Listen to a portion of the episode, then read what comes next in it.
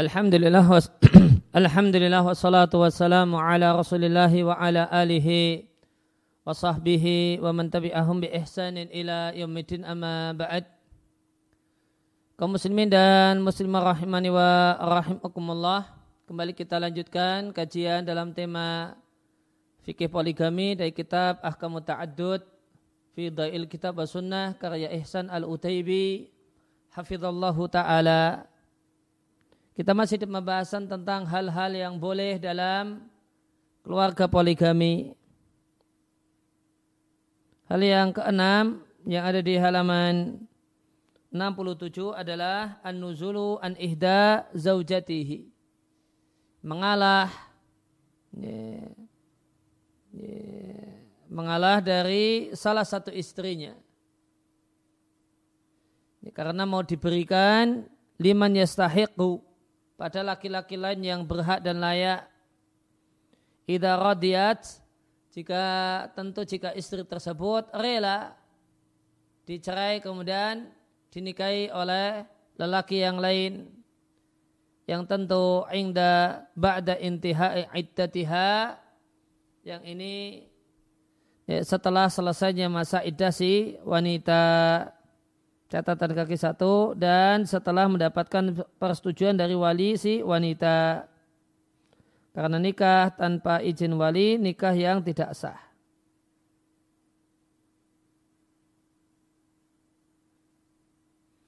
Wa ingkana qad hasala meskipun sungguh telah terjadi sebagian orang yang mengaku-ngaku berilmu dia menikah tanpa izin wali setelah lamarannya ditolak maka tindakan nekat semacam ini kata ya, kata penulis ya dulu ala killatid dini wa killatil adabi menunjukkan kualitas takwa yang memprihatinkan demikian juga kualitas adab yang mengen, kualitas adab yang mengenaskan.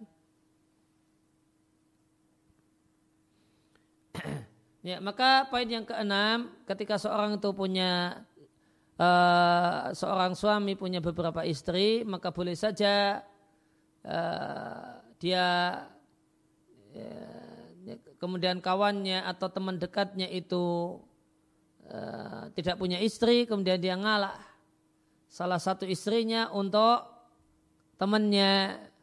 Ini satu hal yang boleh dengan syarat uh, tadi disampaikan ini diberikan kepada lelaki, diserahkan pada lelaki yang layak kemudian si istri yang mau dilimpahkan kepada lelaki yang lain tersebut mau dan wali dari istri ini juga berkenan. Namun ini dikomentari oleh ya, penulis dan ini di zaman kita ini adalah min abu adil mustahilat termasuk barang mustahil yang sangat mustahil. Namun ini perkara syar'i ya, seandainya terjadi la haraja fi fi'lihi. Tidak mengapa jika dilakukan. Al-Bukhari rahimahullah ta'ala menyampaikan bab ucapan seorang suami kepada saudara ya, kepada saudaranya yaitu kepada kawannya lihatlah ya, di antara istriku mana yang engkau sukai sampai aku ceraikan dan bisa kuserahkan kepadamu dari Anas bin Malik, beliau bercerita bahasanya Abdurrahman bin Auf tiba di kota Madinah. Lantas Nabi Shallallahu Alaihi Wasallam mempersaudarakan antara Abdurrahman bin Auf seorang muhajirin dengan seorang ansar yang bernama Sa'ad ibn Rabi al Ansari. Dan Sa'ad ibn Rabi ini, sahabat Ansar ini punya dua istri. Maka dia tawarkan kepada Abdurrahman bin Auf untuk berbagi setengah-setengah istrinya dan hartanya. Yang setengah-setengah bukan hanya hartanya, separuh-separuh. Dan juga istrinya. Ya, maka dua penawaran ini dua-duanya ditolak. Setengah harta ditolak, ya, salah satu istri ditolak. Ya, respon Abdurrahman bin Auf, Barakallahu laka fi ahlika wa malika. Semoga Allah memberkahi istrimu, keluargamu dan hartamu ya, kalau untuk harta ya, maka ya, gak perlu repot-repot setengah namun dulani ala suqi tunjukkanlah pasar kepadaku. Fa'ata suqa maka Abdurrahman bin Auf mendatangi pasar, farabiha syai'an dan dia mendapatkan sedikit keuntungan. Diatkan oleh Al-Bukhari. Dalam redaksi yang lain, lihatlah yang paling menakjubkan, paling engkau sukai dari dua istriku. Fasami hali, sebutkan namanya kepadaku. Utaliquha aku akan menceraikannya dan jika telah berakhir masa idahnya silahkan nikahi dia. Dalam redaksi yang lain, aku berbagi kepadamu hartaku dan aku mengalah untuk salah satu istriku. Kata al haf komentar Al-Hafidh Ibnu Hajar, isi hadis ini, maka nu alaihi minal ithar. Ithar mengutamakan orang lain yang kanu alaihi, yang mereka miliki. Hatta binafsi wal ahli. Sampai-sampai mengutamakan orang lain dalam masalah ya, diri dan istri. Kemudian di kalimat ungdur a'jabaha ini bisa diambil pelajaran bolehnya seorang laki-laki nazar melihat wanita yang ingin dinikahi. Pelajaran yang lain boleh dua orang berbuat janji bitolakil mar'ati untuk mencerai salah satu istrinya untuk dinikahi oleh mitra e, perjanjian atau mitra janji berdua tersebut. Kemudian hilangnya cemburu dalam kasus semacam ini. Demikian juga pelajarannya ini pelajaran yang bisa kita petik dari sahabat Ansar yaitu Sa'ad ibn Arabi' dan pelajaran yang kita petik dari sikap Abdurrahman bin Auf wa tanazuhu rajuli. Seorang itu menjaga diri, membersihkan dirinya, tidak mau menerima hal yang diberikan kepadanya min misli dalika dalam bentuk semacam ini. Inta sekian kutipan dari Fatul Bari. Kemudian eh, poin selanjutnya yang ketujuh ini berkenaan dengan budaya orang Arab. Bahasanya setelah akad nikah itu belum tentu langsung uh, dua pengantin itu ngamar bareng ya, dan sehingga kemudian ada malam pertama bisa jadi cuma akad nikah dulu nanti malam pertamanya setelah sekian hari maka jika hal ini dalam terjadi dalam konteks keluarga poligami tidak ada adil yang wajib ya, antara seorang istri dan istri yang lainnya yang belum dikumpuli namun baru akad nikah dengannya. Hal itu dikarenakan tolak ukur keadilan ya, anal ibrata bahasanya yang jadi tolak ukur fil adli dalam adil wa wujubihi dan wajibnya adil wa dukhulu bizaujati adalah terjadinya hubungan badan dengan istri Ya, dan istri itu sudah di bawah otoritas suaminya. Adapun jika istri ini masih di walinya dan masih ditanggung jawab walinya atau orang tuanya, maka belum wajib atas suami memberi nafkah, tidak pula membagi giliran hari. Sehingga sah dalam kasus ini suami menghabiskan siangnya seluruhnya di tempatnya, ya, di tempat istri tersebut yang belum dikumpuli, namun tentu saja tidak wajib bermalam ketika dalam kondisi lam yu'lin ad-dukhula biha ya, dia belum memberikan ikrar dan pernyataan kalau sudah mengumpuli wanita tersebut atau istri barunya tersebut. Jadi jika ini pernikahan yang kedua, ya, namun habis akan nikah belum langsung kumpul. Maka di hari-hari menunggu uh, waktu yang disepakati untuk kumpul untuk malam pertama belum ada kewajiban menafkahi, belum ada kewajiban untuk memberi nafkah. Dan belum ada kewajiban untuk uh, bermalam.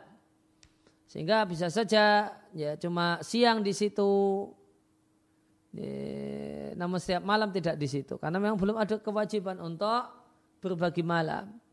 Berbagi malam itu ada kewajiban berbagi malam Yaitu setelah uh, istri yang kedua ini dikumpuli. Kemudian halaman selanjutnya, halaman 68, poin yang ke-8 yang boleh dalam dipraktekkan dalam keluarga poligami adalah bolehnya terdapat perbedaan besaran mahar, kemudian biaya walimah antara satu istri dengan istri yang lain. Sedangkan untuk mahar dilihatkan oleh Abu Dawud. Bahasa Nabi SAW menikahi Ummu Habibah. Dan uh, pernikahan Nabi dengan Ummu Habibah maharnya diberikan oleh Raja Najasyi.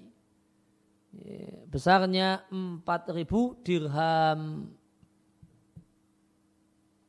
Dirham atau uang perak dan perak dengan emas di masa silam masih ya, selisihnya tidak jauh. Ya, kurang lebih 10 dirham atau 12 dirham itu sama dengan satu dinar. Dan satu dinar 4,25 gram emas. Dari Anasnya Rasulullah Sallallahu Alaihi Wasallam memerdekakan Sofiyah dan Nabi jadikan merdekanya sebagai maharnya. Diatkan oleh Abu dan Muslim. Maka berarti besaran maharnya berbeda. Sedangkan walimah, maka Anas radhiallahu anhu bercerita, aku tidak melihat Nabi Shallallahu Alaihi Wasallam mengadakan walimah untuk salah satu istrinya dengan satu walimah yang lebih istimewa dibandingkan walimah Nabi dengan Zainab binti Jahshin.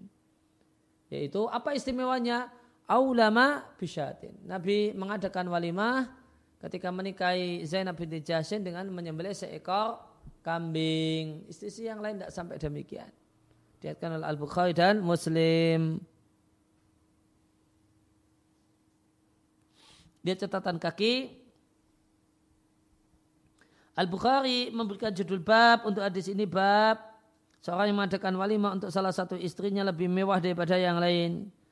Kemudian Imam Bukhari meriatkan Ba'daw setelahnya beliau bahkan hadis Sofia binti Syaibah yang mengatakan Nabi Shallallahu Alaihi Wasallam mengadakan walimah untuk salah satu istrinya dengan syair gandum kasar sebanyak dua mut dan riat ini diberi judul bab bab man aulama orang yang mengadakan walimah kurang dari seekor kambing itu satu hal yang boleh karena Nabi Shallallahu Alaihi Wasallam melakukannya.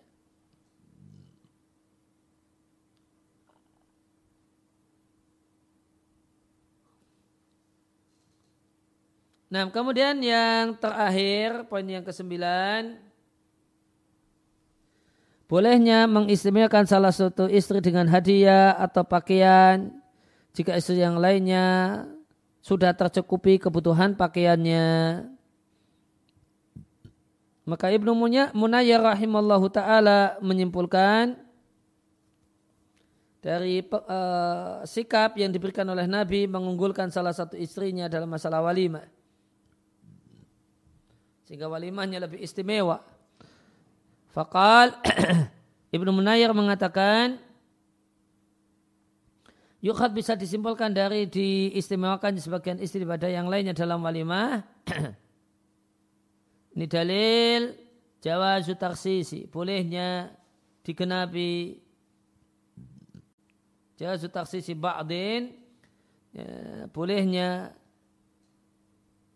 Sebagian istri diistimewakan tuna ba'din tanpa yang lainnya bi'ithab dalam masalah bingkisan, kelembutan dan hadiah-hadiah. Diatkan oleh Al-Bukhari.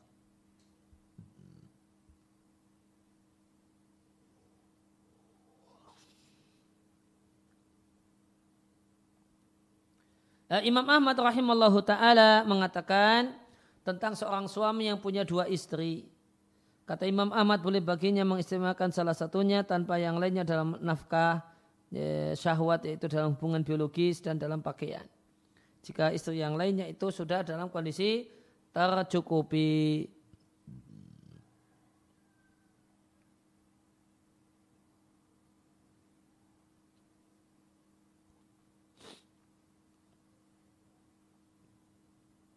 Washtari li hadhihi dan dia belikan untuk oh, istrinya yang ini. Ya, arfa lebih mahal daripada pakaian itu. Watakunu tilka fi kifayatin. Dan istri yang tidak mendapatkan kelebihan tersebut itu fi kifayatin dalam keadaan tercukupi. Ibnu Qudamah rahimahullah ta'ala mengutara perkataan Imam Ahmad dengan mengatakan hal ini dikarenakan sama rata dalam masalah ini satu hal yang menyulitkan. Seandainya tetap wajib tidak memungkinkan berdiri. Ya, ya maka seandainya uh, hukumnya wajib la yumkinu al qiyamu bi tidak mungkin bisa melakukannya kecuali dengan kesusah payahan maka wajibnya itu sehingga adanya uh, kerepotan yang bikin susah payah ini menyebabkan yaskutu wujubuhu hukum wajib dalam hal ini jadi hilang semacam taswiyati semacam hak pakaian fil wata'i dalam masalah hubungan biologis.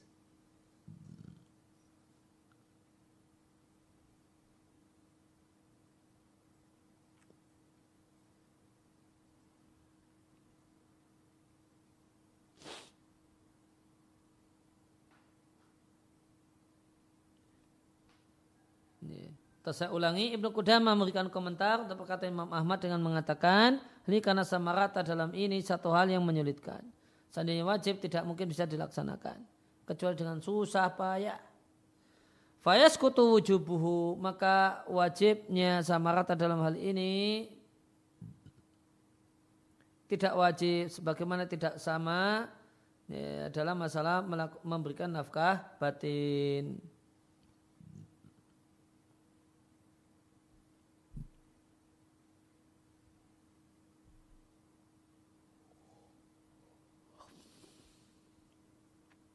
Nah, kemudian kita lanjutkan ke bab 10 tentang kewajiban suami yang berpoligami. Yang pertama, bahasanya pembagian itu ada dua macam, ada pembagian ibtidaan tanpa sebab dan ada al-qasam pembagian ala dawam berkelanjutan. Yaitu uh, yang wajib uh, terus menerus ada tempat uh, al-mabit, an-nafaqah, al-qiswah, was-sakan. Yaitu tempat tinggal, nafkah berupa, uh, berupa makanan, kemudian pakaian dan tempat tinggal.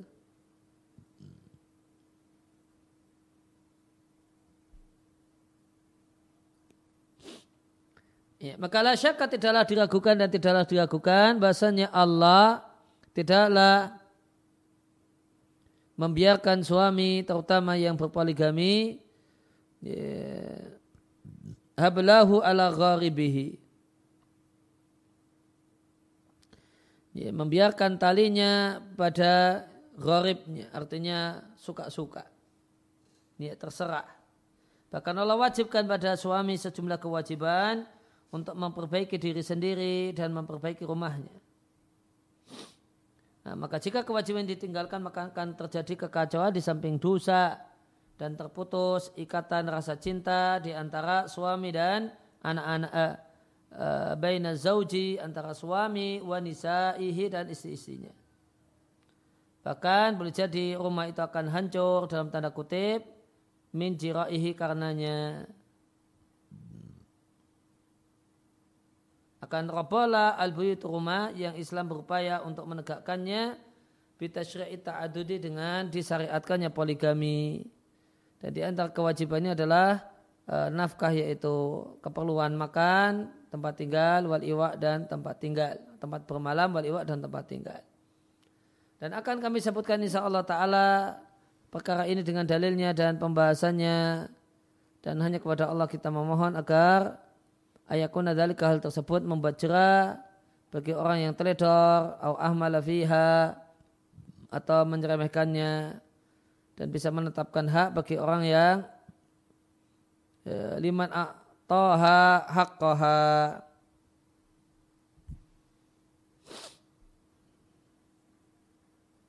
ya maka bisa menjadi pencegah bagi orang yang teledor dan menetapkan bagi orang yang menunaikan haknya dan tidak melakukan keteledoran.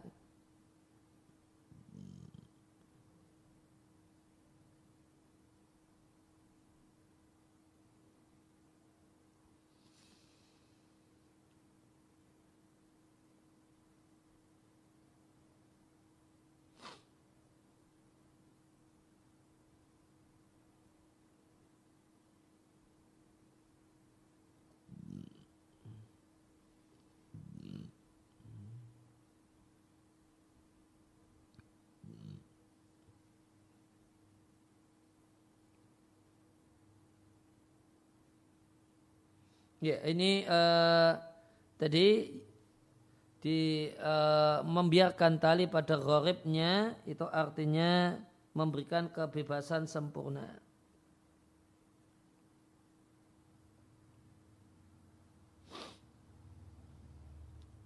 Gharib makna asalnya adalah a'la muqaddami as-sinam. Uh, punuk unta bagian depan yang paling tinggi.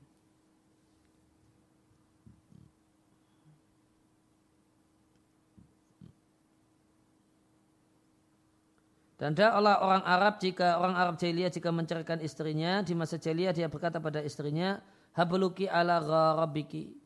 Talimu ada pada punuk ontamu. Artinya aku bebaskan engkau pergilah ke mana engkau suka dan ingin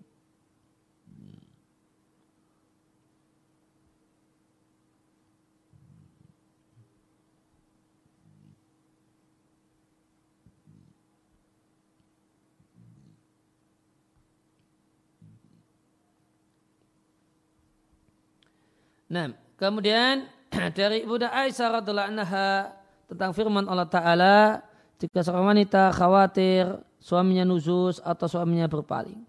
Kata Ibu Aisyah ayat ini diturunkan untuk seorang wanita takun inda rajuli yang dia punya suami lantas fatatulu suhbataha maka sudah lama tidak kumpul dengan istri hanya suami ingin menceraikannya Fatakulu maka istri mengatakan jangan carikan diriku pertahankan aku. Aku maafkan kewajiban nafkah untukku dan demikian juga penggantian uh, giliran hari untukku.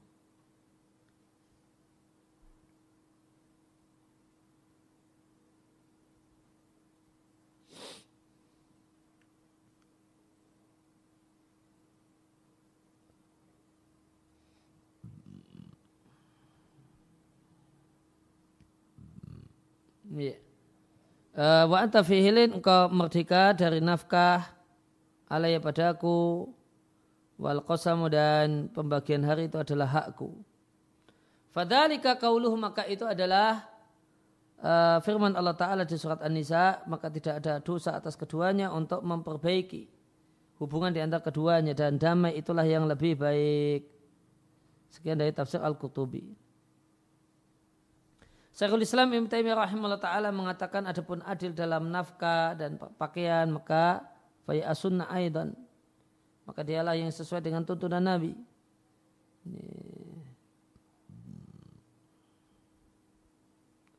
Iktidaan dalam rangka meladani Nabi Sallallahu Alaihi Wasallam. Fa'inau maka uh, Nabi Sallallahu Alaihi Wasallam karena ya'adilu bisa bersikap adil antara isi-isinya dalam nafkah sebagaimana beliau adil dalam pembagian yaitu pembagian hari majmu'u fatawa.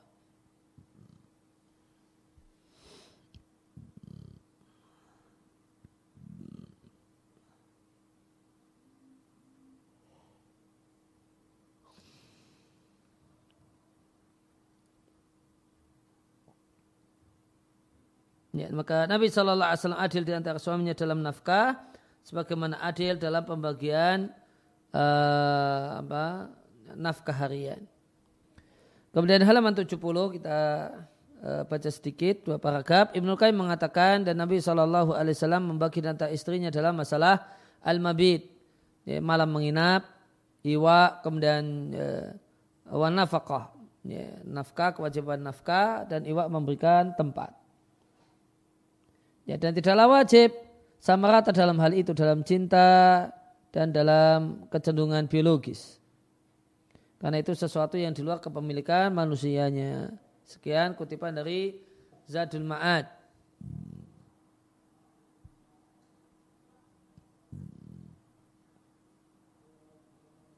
Kemudian Al-Hafidh mengatakan jika melaksanakan janji likuli wahidatin masing-masing mereka melaksanakan janji dengan pakaiannya dan nafkahnya dan beri tempat atau faidah wafa maka jika seorang suami yang berpoligami telah melaksanakan telah memberikan untuk masing-masing dari istrinya pakaiannya, uang belanjanya dan tempat tinggal untuknya. maka lam uh, lam, lam yaduruhu maka tidak membahayakannya apa yang lebih dari hal itu yaitu berupa kecondongan hati atau donasi bitufatin dengan satu bingkisan intah sekian kutipan dari Fatul Bari. Ya, maka boleh sampaikan jika seorang itu telah melaksanakan perjanjiannya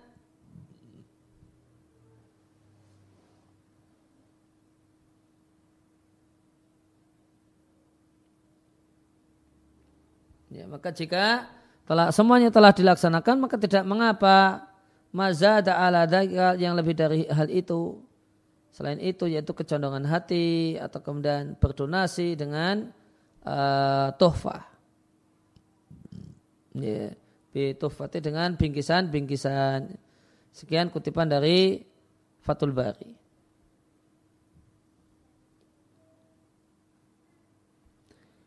Ya, kemudian uh, mungkin bisa kita lengkapi untuk ini.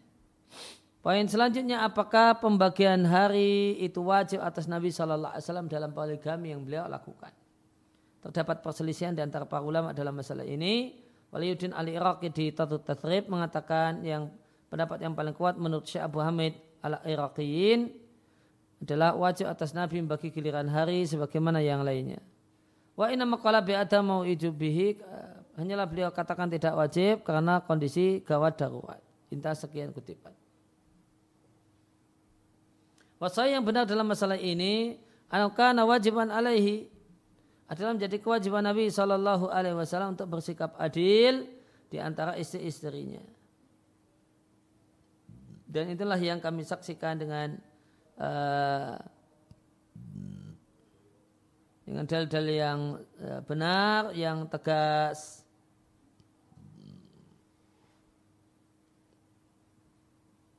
Jadi uh, as-sahih pendapat penulis Nabi itu wajib ya, berlaku adil di antara isi-isinya. Dasarnya hadis Aisyah radhiallahu anha Rasulullah sallallahu alaihi wasallam karena selalu beliau bertanya dalam sakit yang beliau meninggal dunia di manakah aku besok di manakah aku besok beliau menginginkan hari Aisyah. Akhirnya semua istri sepakat membolehkan Nabi tinggal di tempat mana saja yang Nabi sukai. Fakana maka Nabi tinggal di rumahnya Aisyah. Diatkan oleh Bukhari dan Muslim, ini redaksi Muslim. Dalam uh, Qala al-Baghawi, Baghawi mengatakan fihi yaitu dalam hadis ini, janganlah salahkan siapa-siapa. Ya. La talumni fi matamliku wal amliku. Ya Allah jangan kau celah dan kau salahkan apa yang kau miliki yaitu hati dan cinta, sedangkan aku tidak memilikinya.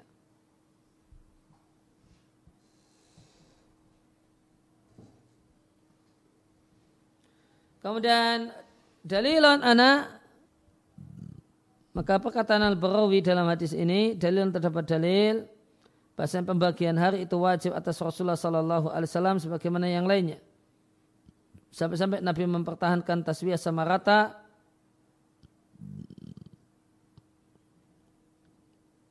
sama rata di antara istri-istrinya ketika beliau sakit ma'ama yalhaquhu minal masyaqqah padahal kesusahan yang Ah, dan ada kesusahan yang menimpa kalian.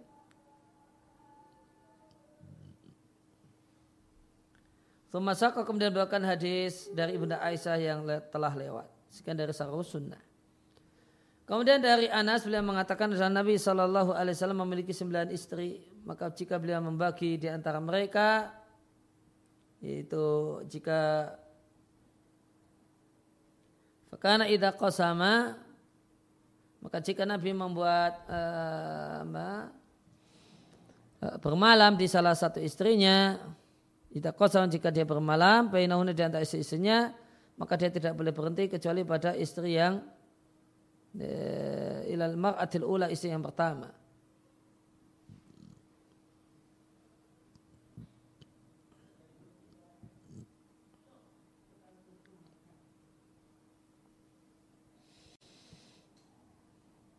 Ya, ila fitis'in kecuali di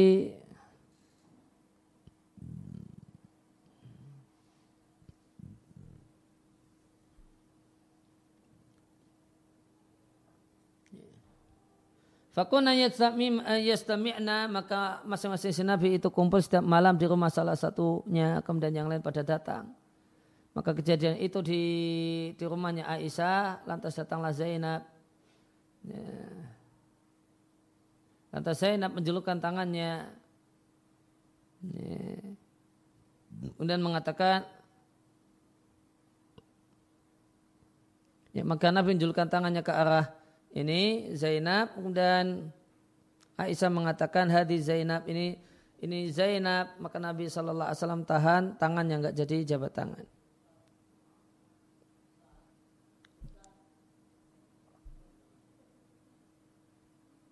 Nah semacam ini satu hal yang diperbolehkan. Seandainya adil, pembagian yang adil itu tidak wajib atas Nabi Shallallahu Alaihi Wasallam. Nah, lama lazimahu kafu an Zainab. Maka tentu tidaklah wajib bagi Nabi menahan tangannya dari juluran tangan, jabat tangan, ajaan Zainab. Bahkan lama tajarat tatkala Aisyah berani untuk mengingatkannya atau mengingatkan hal ini bi annaha Zainab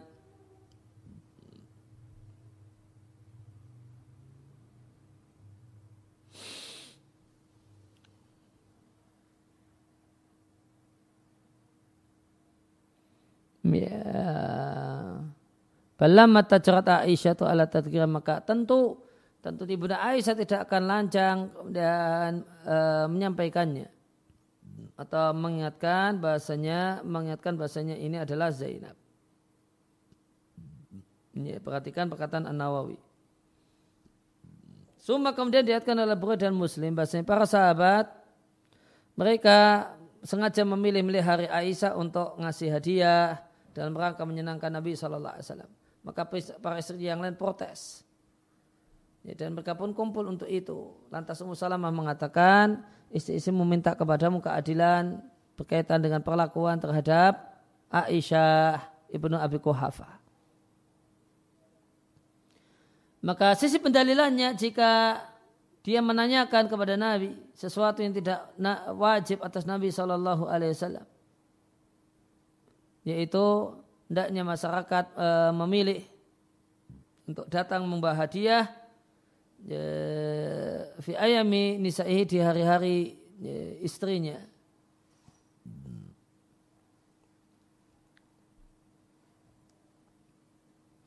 Fakaifa fi hakihinna Bagaimanakah jika haknya itu adalah tempat tinggal, uang belanja atau uang masak, uang makanan, wal pakaian dan tempat tinggal yang nyaman. Al-Hafidh Ibn Hajar rahimahullah ta'ala menyampaikan ini semua adalah dibangun di atas pendapat bahasanya pembagian hari waktu itu wajib atas Nabi Shallallahu Alaihi Wasallam dan inilah pendapat inilah yang didukung oleh mayoritas hadis sekian ya, Fatul Bari, ya, dari Fatul Bari dan nanti akan ada tambahan penjelasan lebih lanjut.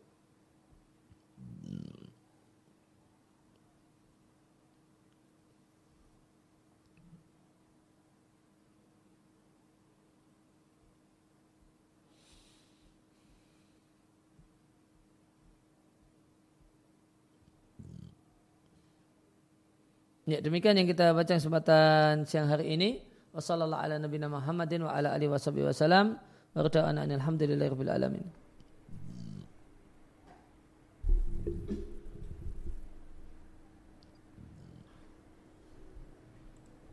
Baik, saat ada pertanyaan. Assalamualaikum warahmatullahi wabarakatuh. Waalaikumsalam warahmatullahi wabarakatuh. Ahsanallahu ilaikum, Sat. Wa ilaikum. Sat, apakah air mani yang terkena celana, apakah celana tersebut menjadi najis atau kotor Bagaimana jika ingin terus dipakai? Apakah cukup dipercikan dengan air saja? Mohon jawaban. Ya, tulang Ustaz. Dipotong. Apakah air mani yang terkena celana apakah celana tersebut menjadi najis atau kotor? Nah, uh, kalau kenajisan air mani diperselisihkan ulama, pendapat yang paling kuat air mani itu kotor namun tidak najis. Dan ini jelas najis atau manakala air mani tersebut bercampur dengan air madi. Ya, pembahasan perselisihan ulama tentang suci ataukah tidak itu manakala air uh, ya, air mani yang munir air mani. Tapi kalau bercampur dengan air madi maka berarti itu najis. Nah. Lalu bagaimana cara membersihkan Ustaz? Uh, apakah cukup dengan dipercikan atau dicuci? Air mani tidak wajib dibersihkan karena dia suci, tidak najis. Nah. Baik yang berikutnya saat Assalamualaikum warahmatullahi wabarakatuh. Waalaikumsalam warahmatullahi wabarakatuh. Saat bagaimana cara agar sebagian sebagai suami tidak melirik atau memikirkan wanita lain karena untuk ta'adud juga belum mampu. Bagaimanakah cara menundukkan pandangan yang benar? penanyanya laki-laki ya, uh, ya maka satu hal yang patut disadari bahasanya uh, poligami itu bukan keren-kerenan. Poligami itu artinya tambah kewajiban tambah beban. Ya, jadi dan para suami menyadari dirinya mampu ataukah tidak. Ya kalau tidak mampu ya ya santai saja. Ya, belum diberi rezeki untuk itu. Ya, maka uh, itu maka poligami itu bukan perlombaan dan bukan kebanggaan dan bukan masalah uh, bukan mengesankan hebat, top, sampai disebut karena istrinya dua, jenderal pangkat dua, uh, kemudian istrinya tiga, jenderal pangkat tiga ini satu hal yang tidak benar. Semata-mata bisa poligami bukan bukan berarti dalam tanda kutip jadi jenderal. Hendaknya ya, ya, hendaknya masing-masing orang melihat kemampuan dirinya sendiri masing-masing. Nah. Demikian subhanakallahumma bihamdika asyhadu an la ilaha illa anta astaghfiruka wa atubu ilaik.